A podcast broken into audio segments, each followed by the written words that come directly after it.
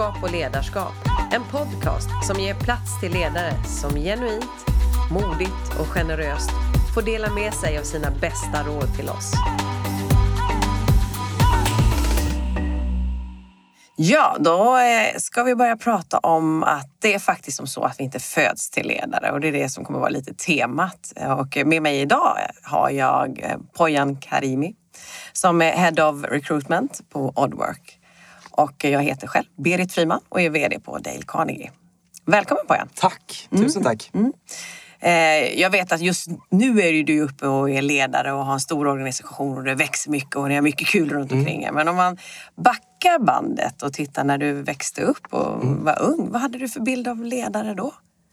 Alltså enda, enda uppfattning man hade kring ledarskap eh, när, man, eh, eller när jag växte upp var väl i form av, utöver föräldrar och, och syskon, var väl i form av eh, tränare. Mm. Fotbollstränare, den här eh, liksom, någons farsa som favoriserade någon, var, var lite arg, eh, pekade med hela armen, eh, hade sina favoriter.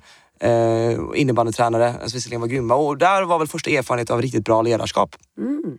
Som kom in i leken. Vi, hade, vi var en generation i Lindås Waves, 89 mm. eh, som var riktigt, riktigt bra. Eh, och när vi var 14-15 år så hade vi haft den här klassiska som några föräldrar som var, var ledare och vi var bland topp 8 i Sverige. Mm. Eh, jag hade verkligen, och jag menar det, jag hade ingenting med det här att göra. Jag spelade fjärdekedjan och bytte in mig för tekningar endast. eh, men laget var väldigt bra. Eh, och när vi var 14-15 år så fick vi eh, två grabbar, eh, Mattias och Erik, som tog över vårt lag. Mm. Och eh, vi skulle elitsatsa. Och de här grabbarna är väldigt unga själva. Eh, Mattias är idag faktiskt tränare för eh, ett eh, vad heter det? SSL, Svenska superligan-lag, mm. vilket är högsta ligan mm. innebandy mm. i Sverige. Mm. Så han har som fortsatt sin innebandy mm. eh, tränarkarriär. Mm. De kom in eh, och ändrade om hela vårt sätt att spela. Mm. Eh, de hade ett helt ny, en helt ny strategi, en helt ny taktik. Mm. och det var inte för att vi inte var bra. Vi var redan topp 8 i Sverige, men det här var för att ta oss till nästa nivå. och det lärde en ganska så mycket om vad, vad, bra ledarskap kan göra, vad en vision kan göra. De kom in, satte sig ner med respektive person i hela laget, mm -hmm. ville förstå vad, vem är du i laget? Vad, mm. vad, vad har din roll varit? Mm. Eh, de skapade förtroende. Eh, mm. de förklarade att vi är bra. Vi är bäst i Göteborg, vi är topp 8 i Sverige. Mm. Men vi kommer göra ganska stora förändringar. Vi kommer göra det för att möjliggöra mm. nästa nivå. Då kommer vi göra något som vi inte gjort förut. Och så satte de den planen till verket. Det var bara fantastiskt coolt att se. Eh, det var två det, var två vänner. Det var mm. inte två chefer. Mm. Det var två vänner som man litade på. Man gjorde som de sa. Mm. Tänk vad man kan lära sig och komma ihåg saker och ting så här många år mm. efteråt när man har väldigt bra exempel. Verkligen. Mm. Verkligen. Eh, och sen blev du ledare själv. vad upptäckte du då? då? Eh, väldigt tidigt när, när vi drog igång med Oldwork. Så, alltså första tre åren var det i princip bara jag och mina två kollegor som vi, som vi startade upp mm. eh, bolaget med och så ett antal väldigt tidiga kollegor i den, i den leken. Och vi, vi, såg, vi hade någon ambition som att bygga någon form av helt plan organisation, inget ledarskap mm. och förväntade oss väl någonstans att det drivet vi själva hade som startade upp Oddwork mm. skulle eh, speglas i alla andra mm. eh, och, och det skulle vara på det sättet. Och det var det väldigt, till väldigt stor del också. Men där någonstans så, så uppkom det situationer som, som krävde ledarskap och vi, eh, hant, alltså, vad ska man säga om det? Ja, det vi hanterade det väl eh, med den bristfälliga förmåga vi, vi besatt vid den tiden. Mm försökte undvika det den mån det gick. Eh, men till slut fann vi oss själva i en situation där det, där det, eller i många situationer, eh, där det krävdes. Mm. Kommer du ihåg någon speciell situation? Alltså jag kommer ihåg en av våra absolut första anställda, eh, en, en fantastisk tjej som i allra högsta grad var bidragande till, den, till att vi är där vi är idag fastän mm. hon bara var med i två år och det var två väldigt tidiga år. Hon, eh, hon eh, var en, en person som, en sån typ av person som jag tror många lyssnare säkert känner sig igen sig som bara öser på. Mm. Eh, som löser grejer och bara, mm. en drömanställd på många mm. sätt som mm. verkligen är en, en kraft i sig själv. Eh, men så stötte hon på situationer där, eh, tuffa situationer. Mm. Eh, personer som, hon blev satt under press mm. från kunder. Mm. Hon blev satt under press från, från kandidater. Mm. och hon var redan under press när vi växte internt. Mm. och vi hade ingen förmåga att bemöta det eller hjälpa till i det. Mm. så till den grad att hon slutade. och hade jag vetat då vad jag vet nu mm. så hade jag gjort väldigt mycket annorlunda. Mm. Eh, men samtidigt, så när jag ser tillbaka på den tiden, jag hade inte den förmågan då. Nej. Alltså det blev väldigt, väldigt tydligt. Kostsamt första erfarenhet av, av att på bristfälligt ledarskap, det inte fanns på plats alls. Mm. Och då förstod vi, det var då vi började förstå att det här behöver vi göra någonting åt. Mm. När du tittar tillbaka då, för det som säger er initiativkraft och entreprenöriella mm. ådra gjorde ju att ni var framgångsrika och mm. började bygga någonting. Mm. Vad, liksom, hur stora var ni när ni kände att ni behövde växla över? Alltså, vi hade ambitionen ganska så länge faktiskt att inte behöva växla över alls. Ah, okay. Eh, mm. Vi tänkte väl eh, att eh, fram till att jag, jag gissar på att det var 7, 8, 10 pers. Mm. Så tänkte vi att nej, men det här kommer väl gå. Mm. Så. Men alltså, i takt med att vi växte och, och liksom blev gasellföretag och mm. det gick snabbt och allt det där. Mm. Eh, så, så uppkommer det situationer i den tillväxten, personer, eh, relationer mm. eh, som kanske inte lirar så som man förväntar sig i början och då kräver det beslut. Mm. Eh, och då blev ledarskapet eller beslutsfattandet ganska så mm. tydligt och med det kom det felbeslut. Mm. Eh, jag minns en situation eh, väldigt tydligt där en person som eh, var på plats hos oss. Eh, men som, eh, det gick inte som det skulle gå helt mm. enkelt och det fanns liksom en det fanns en nödvändighet att avsluta mm. det mm. samarbetet. Mm. Och utan kunskap, utan information och utan någonting så, så gjorde vi ett väldigt stort misstag. Misstaget låg i att personen i fråga hade gjort mycket grejer och vi blev lite sugna på att kommunicera det. Ja. Vi blev sugna på att låta världen veta, eller låta vår lilla värld veta att det här är inte på oss. Mm. Det här är på den personen. Mm. Och eh, vi gjorde väl precis allt fel. Vi lät den personen tappa ansiktet i allra högsta grad. Vi gick ut och kommunicerade ut det misstaget som hade skett för att eh, förklara för organisationen varför mm. vi nu tar det beslutet vi ska ta. Mm. Eh, så vi, kort och gott, vi, vi sa till organisationen vad personen hade gjort. Uh. Och förväntade oss sympati. Ja. Vad hände då? Det slog såklart naturligtvis helt tillbaka. Eh, det kom ingen sympati, inte för oss. Det kom sympati för en annan. Mm. Eh, och med all rätt, för att vi mm. kommunicerade helt fel mm. kring det. Vi fick en annan person att tappa ansiktet. Vi fick en annan mm. person att, eh, som absolut inte mm. eh, var medveten om mm. kanske vår syn på saken. Att hängas ut på ett sätt som blev väldigt skadligt för work. jag skulle säga att vi tog ett två år steg bak i tiden, alltså, i, alltså rent organisatoriskt, i kultur. det var fler personer som slutade Eh, det var ett kostsamt misstag men också så föll en polett ner i det här i övrigt tröga huvudet att vi mm. behöver utbilda oss inom det här. Mm. Att ledarskap är ingenting som mm. man, för, eller man föds in i eller att vara ledare är ingenting man, man föds till. Utan det är precis som matematik eller mm. som engelska, eh, mm. någonting man lär sig. Mm. Eh, en sakspecifik kompetens. Mm. Eh, och då förstod vi att shit, vi är riktigt dåliga på ledarskap. Dags att utbilda sig. Och det gjorde vi. Det gjorde vi. Och det har vänt mycket. Mm. När du började själv din utvecklingsresa som mm. ledare, vad var de första sakerna som du kände att du kunde ta till dig och liksom få med dig som kändes mer som dig i, i den ledarroll du har idag? Alltså en av de största insikterna jag fick ja. eh, väldigt tidigt mm. var det faktum, eller så här, var, var att människor tänker 90 procent av tiden på sig själva. Okay. Eh, och när den insikten eh, landade så landade den djupt. Mm. Eh, och när man förstår det att gud, jag spenderar 90 procent av tiden bara att tänka på mig själv. Mm. Bara 10 procent på alla andra. Mm. Och alla andra gör det också. Mm. Eh, så förstår man att det, det, kan man ju faktiskt använda ganska mm. så mycket. Eh, sluta tänka på sig själv lika mycket om man fokuserar och bara försöker ta 80 procent av tiden på sig själv och 20 procent på andra. Hur kan man då faktiskt påverka andra? Ehm, och förstår att man måste sätta sig in i respektive persons 90 procent. Mm.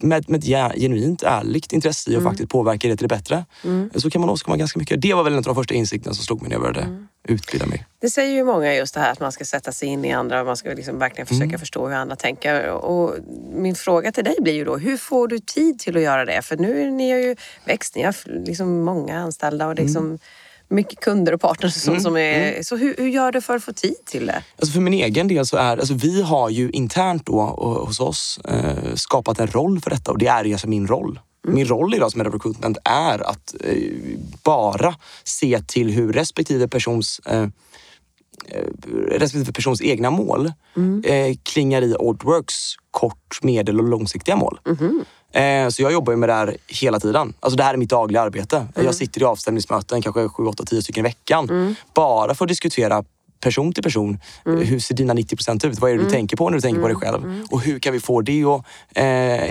glitcha i snyggt med, med Oddworks kort, medel och långsiktiga mål? Och ibland funkar inte det, eh, men i, i de flesta fall eh, så funkar det ganska bra. Det är nog förklaringen till vår väldigt, väldigt låga personalomsättning och väldigt starka kultur skulle jag säga. Är det väldigt individuellt vad det är för någonting eller kan du se vissa trender i, eh, i vad man bryr sig om? Ja, alltså, vi, vi, vi är ute och snackar mycket kring, kring millennials. Ja. Eh, kring eh, den senaste, eller sen, ja, senaste ska man säga, stora generationen som kommit ut på arbetsmarknaden. Ehm, och Ehm, Det är egentligen där vi byggt oss ett ganska starkt namn också för att vi har, varit, vi har kallats för länken mellan generationer. När Västsvenska handelskammaren släppte en rapport som heter Livskarriäristerna så, så var jag själv med i Nyhetsmorgon och presenterade rapporten för att många av de hypoteser vi satte för ett antal år sedan kring vad vi trodde skulle komma att hända med nya generationen på arbetsplatsen har faktiskt hänt. Eh, Och, och man ser där, och, här, innan jag förklarar vad man ser, låt mig förklara. Så här, Det här är en generation som har växt upp i en tid eh, där man har kunna titta på vilken serie man vill. När man vill. Man klickar in på Netflix och sen kollar man liksom en hel säsong. Och sen blir man lite förbannad för att man måste vänta ett helt år till liksom en hel inspelning på Game, Game of Thrones. Det är orimligt tycker man. Vadå ett år? Eh, mot tidigare generationer där det var Rederiet på torsdagar klockan åtta liksom, och en vecka mellan avsnitten var helt okej. Eh, det är en generation som, som klickar hem mat när de vill ha det. Det är en generation som lägger upp bilder på, på Instagram eh, och får feedback direkt. Och får de inte den typen av antal likes som man vill ha så kan man ta bort bilden och lägga upp en ny. Eh, och jag är ute mycket och, föreläser på skolor och eh, Handels på Chalmers. Eh, och, då brukar jag fråga studenter, hur många här är sugna på att komma ut och påverka? Och det är ju alla, varenda en räcker upp hand. Alla är sugna på att komma ut och, och, komma ut och påverka och få vara med och ändra på saker och eh, få sin röst hörd. Eh, och så frågar jag hur många kan faktiskt en modell för påverkan? Och, och, ingen kan en modell för påverkan. Och då brukar jag referera faktiskt till Carnegies modell förtroendetrappan som bygger på att man måste först, först måste skapa ett förtroende för att sen kunna samarbeta med det förtroendet för att slutligen äga rätten att påverka eh, någon. Eh, och då, då tittar alla eh, intresserat och, och nickar och, och förstår. Men om man då sätter ihop det här. Eh, om man sätter ihop det faktum att det är en generation som kommer från en tid då man kan få precis allt man vill eh, när som helst. Och en generation som vill vara med och påverka precis allt.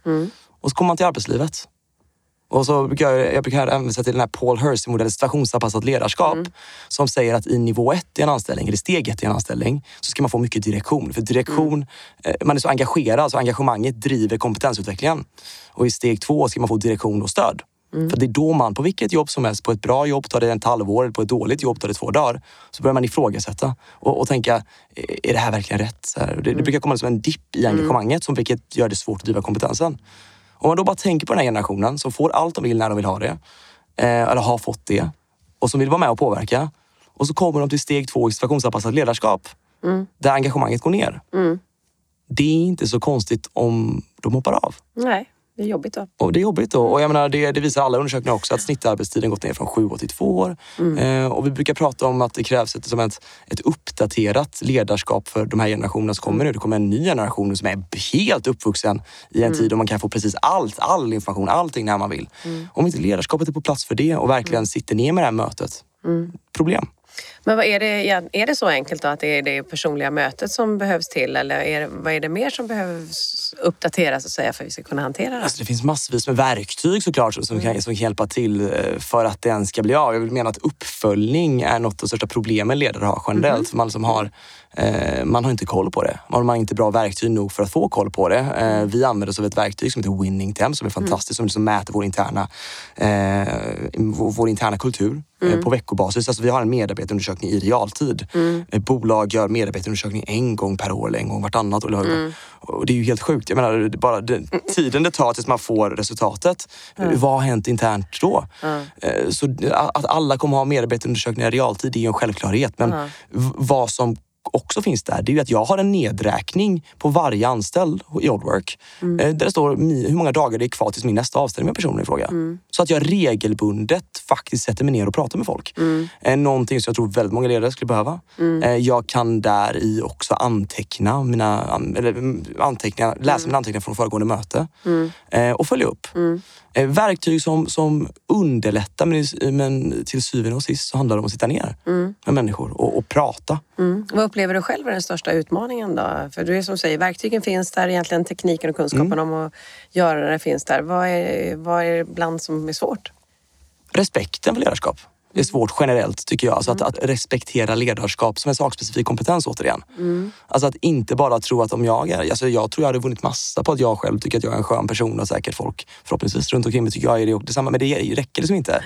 Utan kompetensen som kommer med ledarskap, eller inte kommer med, utan som krävs mm. för att kunna utföra ett gott ledarskap, mm. är grundläggande. Mm. Och jag mm. tror många helt enkelt inte är utbildade nog. Mm. Alltså, precis som att det är som att få en, mat en matteuppgift att lösa mm. och tro att man kan lösa den bara för att man generellt gillar matte, men man har inte läst matte E som krävs för att räkna integraler runt snurrande axlar. Om man tittar just på som du säger, vi lär oss ju mycket både utifrån kunskap naturligtvis men också utifrån våra erfarenheter. Eh, vad, om du tittar själv på dina egna erfarenheter, mm. de som nu, nu senast som är absolut färskast hos dig. Mm. Vad har du varit med om för situationer där du känner att oh, där lärde jag mig något? Eh, jag tror att eh, jag har flera positiva erfarenheter. Mm. Nu blev frågan ställd på ett sådant sätt att jag skulle lyfta negativa. Men jag, kommer, jag kommer börja med positiva. Eh, för flera positiva erfarenheter har handlat om mycket utmanande situationer. Mm eh, situationer där jag som ingångsvärde i ett möte vet att jag och personen jag ska prata med nu kommer tycka fundamentalt olika kring mm. det här. Mm. Eh, men där jag genom att använda mig av verktyg mm. som jag har fått lära mig när jag mm. har studerat ledarskap. Mm. Mm. Eh, exempelvis att faktiskt sätta mig in i den andra personens perspektiv och utgå ifrån att personen inte har en ond eftertanke utan att personen genuint själv tror, tycker, tror, tycker och tror att han eller hon har rätt. Har jag lyckats liksom avvärja väldigt många situationer eller att faktiskt sitta och lyssna. Mm. Eh, så sådana typer av saker har hänt och, och sparat massa pengar, sparat massa relationer. Mm. Eh, dåliga saker som hände, men ibland här om veckan så, så brast det. Mm. Nej, men så här, jag, jag, jag, sa någonting jag verkligen inte borde sagt. Eh, jag lyssnade inte. Jag, märkte, jag kom på mig själv om att här, här sitter jag och försvarar en åsikt. Jag vet inte ens varför jag tycker så. Jag står och försvarar åsikten för att jag gick in i diskussionen med att jag tycker så. Mm. Och så att jag skämdes lite efteråt. eh, när det slog mig att jag vet inte ens varför jag argumenterar för det jag argumenterar för. Eh, men den här prestigen att vinna, vinna en, en, en diskussion tog mig.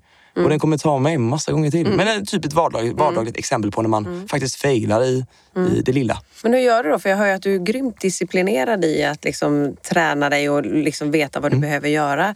Hur får du kombinationen av disciplinen och samtidigt passionen? För ibland så kan ju det bli kontraproduktivt så att säga. Så hur får du den balansen att funka?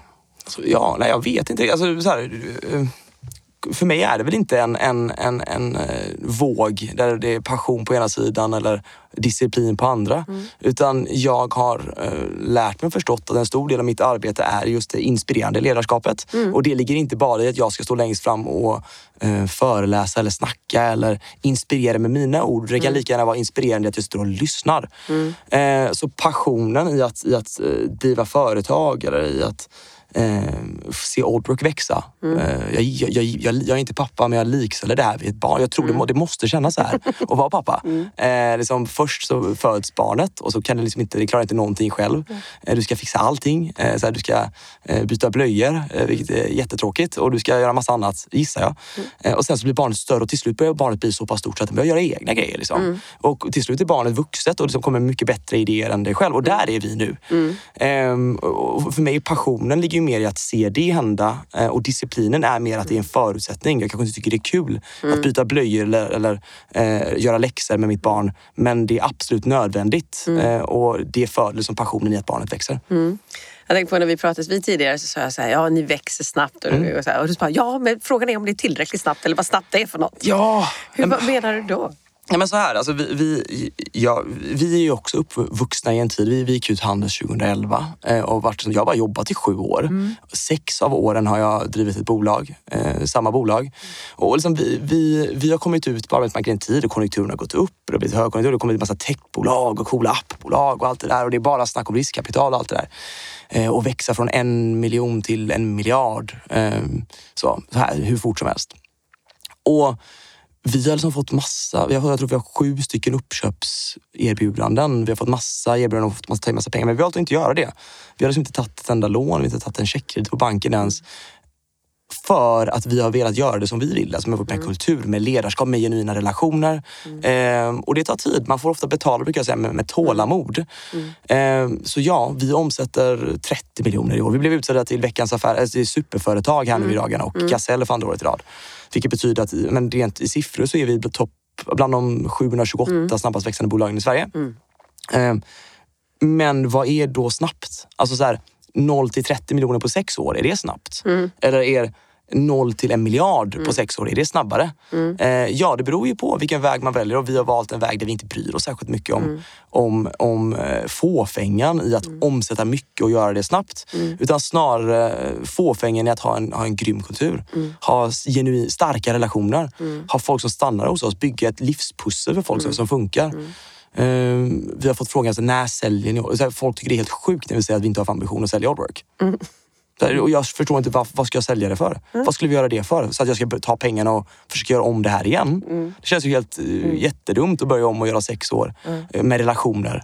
Med massa motgångar, med massa misstag. Kanske mindre förhoppningsvis, men det känns ju korkat. Ehm, nej, relationerna, passionen är, det. Hur gör ni då för att, eh, för ni driver ju som sagt var väldigt utifrån värderingar och utifrån eh, att få företagskulturen så- att vara så, så dynamisk och tajt som möjligt. Hur, hur, hur underhåller man det? För det blir ju också en vardag i det. Så hur gör ni för att liksom hela tiden påminna alla och, och liksom att vara i kulturen? Mm. Alltså först och främst så har vi en struktur och en strategi för kulturen som är väldigt tydlig. Alltså vi, vi, vi, och det här jobbar ju vi med också. Vi, vi säljer ju liksom detta så att det vore ju konstigt om vi inte levde som vi lär. Men vi, vi har liksom ett EVP på plats, ett Employer Value Proposition som är vårt erbjudande till, till personer som är en del av Oddwork-världen. Ehm, och, och det börjar alltid med ett kärnvärde och man kan säga att ett kärnvärde handlar om att eh, så här, grunden i allt vi gör. Det ska vara tumme upp eller tumme ner. Så enkelt ska det vara att förstå ett eh, kärnvärde kan man säga. Det ska vara svaret på frågan, gör vi rätt sak i det vi gör just nu? Eh, och hos oss är det dare to dream, be the revolution. Eh, och det är så här, våga, våga gå din väg. Alltså, om, och, och var revolutionen själv. Snacka, var det själv. Eh, om det så betyder, ta inte in riskkapital för min del. Ta inte in externa ägare. Gör det här nu hela livet. Eh, så är det dare to dream. Det är för våra kandidater som att våga gå din karriärsväg. Så man brukar prata om ett kärnvärde, det är vårt dare to dream, be the revolution. Sen så brukar man prata om företagskulturella pelare. Det är vilka behöver vi vara för att kunna uppfylla vårt reason for being eller vårt, vårt kärnvärde. Och hos oss så pratar vi om energi, vi pratar om driv, social kompetens, engagemang och prestigelöshet. Ehm, och det vill jag säga, det, det, det måste liksom vara, det, det är grunden hos oss. För att kunna vara en del av vårt work, att man delar den värdegrunden. Egentligen. Så, så vi har ett strukturerat dokument som beskriver vad vi lägger i de orden, hur det levs ut varje dag eh, och vad kärnvärdet betyder för oss. Men jag brukar säga att ett EVP i sig självt är fullkomligt värdelöst. Det, blir ett dokument som bara liksom ligger på ett bord om man faktiskt inte eh, förvaltar det i verkligheten. Och då brukar vi snacka om, om företagskulturella aktiviteter. Aktiviteter som är kopplade till värdegrunden. Alltså exempelvis när du kommer till Oddwork, eh, vilket du är varmt välkommen till här som, så är det skorna av som gäller. Hos oss det spelar ingen roll om du är ett börsnoterat bolags VD eller praktikant på din första intervju. Du tar av dig skorna. Det är en företagskulturell aktivitet direkt kopplat till värdegrundsordet prestigelöshet. Eller att vi tränar på fredagsmorgnar på, på Sats allihopa. Det är ett, en företagskulturell aktivitet direkt kopplat till energi. Så vi har en struktur, om man googlar Spotify Engineering Culture så ser man bilder på Spotifys aktivitetsplaner i detalj vad de gör. Så att vi jobbar på ett detaljerat, strukturerat, strategiskt sätt med vår kultur. Det är ingen slump att Google är Google, att Facebook är Facebook att Spotify är Spotify. Och det är inte för att de är så stora heller. Det finns på, på Oddworks nivå, 30 pers, har också den starka kulturen. Eh, men det är detaljerat arbete, det lovar jag, bakom. Det är bra. När, du när du pratar om det så, här, så ser jag ju din passion i, över det du gör. är Vad känner, du, ja, precis. Vad känner du själv att du är stolt över? Om du tittar på utifrån dina egna sätt att mäta. Nej, jag, är, jag är stolt över att jag, Charles och Niklas, eh, mina två eh, bästa vänner tillika och, och grundarpartners i Oddwork, att vi vågade dare to dream. Eh, och vågade gå vår egen väg. Jag, jag lovar för, för sex år sedan när vi drog igång, när någon, när någon pratade om kultur, företagskultur eller personlighet, ja. liksom, vilket är liksom essensen vad pratar om och idag är det liksom jättepoppis. Ingen trodde på det. Alltså det fanns en branschkollega till oss som 2011, jag ska inte nämna några namn här, men det fanns en jättekänd reklam där de tog en, en eh, kandidat och la i en katapult när jag gick på TV. Och så sköt de in den här kandidaten in i kontor och så växte kontoret. Vilket är en smart reklam på sitt sätt. Men det säger ju någonting om hur man såg på talangmarknaden 2011 när vi gick på Handels. Och vi tyckte den här reklamen var helt sjuk. Och det är någonting jag är stolt över, så att vi har i allra högsta grad varit bidragande till att ändra bilden på, eller ändra maktbalansen mellan rekryteringsföretag eller företag versus talang. Vi brukar säga slaget om talang över. Talangerna vann. Eh, och jag, vill, jag, jag känner personligen att vi har haft i alla fall vår lilla, lilla, lilla bit i det och det är jag enormt stolt över. Vilken egenskap ser du hos dig själv är den som har bidragit mest till att få fram det här? utan tveka min förmåga att rekrytera rätt folk till resan med rätt värdegrund måste jag säga. För, de, för människorna vi har runt omkring oss på Boardwork är fullkomligt fenomenala. Men i det så, så, så här, vi, så här, vi skojade om för ett par år sedan eh, när, jag var outbildad inom ämnet. Så jag skojade med mina kollegor att jag ska vinna årets chef 2022. Eller så här. Vi, vi drev om det här. Och, och det skrattades ju åt det här som det var ju ett hån. Alltså, vi, vi skämtade om det här för att det var så långt ifrån. Det skulle aldrig ske. Jag hade någon förutfattad bild om att vara hård. Precis som de här, inte, de, inte de grymma tränarna utan tidigare tränare som pekar med hela handen och sådär. Mm, Men det skulle aldrig ske naturligtvis, så, så dåliga som vi var på ledarskapet. Men det sättet vi faktiskt har lärt oss det på ehm, och fortfarande lär oss på. Det, det är väl det jag, min personliga utveckling jag är stoltast över. Ehm, och det är jag väldigt stolt över. Bra. Du blir inte nöjd utan vill fortsätta utvecklas? Jag, jag tror som så här, den, så här eh, i en resa som, som vår, en tillväxtresa som är snabb, så är det upp till varje person att hela tiden förbättra sig med den liksom, senaste rekryteringen som kommer in. Vi lyckas rekrytera personer idag som är grymma och det ställer krav på alla medarbetare och inte minst ledarskapet. Vi måste bli mycket bättre. I och med att du är örat mot rälsen, både Mm. ut mot kunder och mot kandidater. Vad ser du är den största, vad är det största gapet någonstans idag? Ehm, det största gapet på väg kan jag säga, det är förväntansbilden hos eh, den nya generationen versus ledarskapet på plats. Okej. Utan tvekan. Eh, Det här med att, men, tänk, om vi bara tar Instagram-exemplet från tidigare. Igen, eh, generationer som växte upp med att få feedback hela tiden. Hela tiden. Bara tänk vilka implika- implikationer det faktiskt betyder. Du kan lägga upp en, en Instagram-post, enkelt förklarat, alla kan relatera till det, därför använder jag Instagram. Men du kan lägga upp en post och du kan få feedback på den direkt. Och så kommer du till en arbetsplats och du får inte feedback på någonting på ett år. Och så en gång var tredje år kommer en medarbetarundersökning. Hur troligt är det att du stannar? Och det gapet är jätte, jätte, jättestort. Ledarskapet eh, på plats idag, eh, på plats idag, jag kan inte generalisera det naturligtvis, men så här, jag ser tendenser till att man inte vill, man, man, många vill säga, vill, vill knäppa de, eh, nya generationer på näsan och säga att de får anpassa sig. Jag tror inte de gör det. Jag tror det finns företag där ute som kommer anpassa sig och därmed kunna locka till sig de bästa talangerna. Och har man de bästa talangerna så tror jag att man rimligtvis över tid kan få de bästa kompetenser generellt eh, till sig. Och har man den bästa kompetensen hos sig så tror jag generellt man, man vinner. Så är det säkert.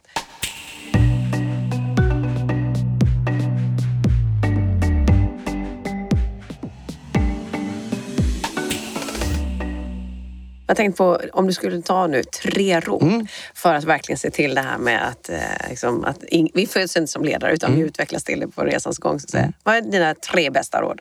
Eh, då, då måste nummer ett vara att förstå att människor tänker 90 procent av sin tiden på sig själva. Precis som du gör, precis som jag, eh, precis som alla gör eh, rimligtvis.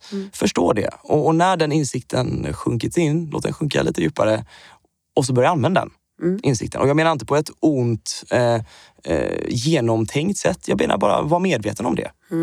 Eh, det måste vara mitt eh, första råd. Mm. Nummer två. Eh, nummer två är inse att företag bara är människor. Eh, företag är bara människor. När den insikten slog mig så slog det mig, mig hårt. Alltså så här, ta ut alla människor ur Apple. Ta ut alla människor ur Apple så finns det alltså inget Apple. Och det är ju helt sjukt. Man har ju någon bild av företag som en så här, eh, helig entitet som bara finns. Liksom. Och, och det är det inte. Det är människor i grupp. Företag är människor i grupp. Och så fort man förstår det så förstår man att förmågan att faktiskt hantera människor är ganska så viktig. I särklass eh, det viktigaste jag har haft med mig, tror jag. Nummer tre. Ehm, nummer tre skulle jag säga att kort och gott genuint faktiskt lyssna på människor. Sitta ner och lyssna på människor. Prata med människor, lyssna på människor, ägna din tid. Jag får dåligt samvete nu för tiden när jag pratar för mycket, vilket jag ofta gör. Eh, Men jag försöker aktivt tänka tyst nu, tyst nu, tyst nu och genuint tänka på tips tre, att lyssna på människor. Eh, Och genuint därmed också ligger i samma sak, men förstå, försöka förstå vad de säger. Ing, ingen människa eh, som gör ett misstag har för avsikt att göra det misstaget. Jag kan inte tänka mig det, naturligtvis i undantagsfall. Men ingen människa som gjort någonting fel gick in i den situationen och tänkte nu jäklar ska jag göra riktigt fel. Ja. Och, om du bara sitter ner och lyssnar på den personen och verkligen försöker förstå den personens sida så har du ganska mycket att vinna. Och, och det är bara att titta tillbaka på punkt ett och två och förstå varför det är viktigt.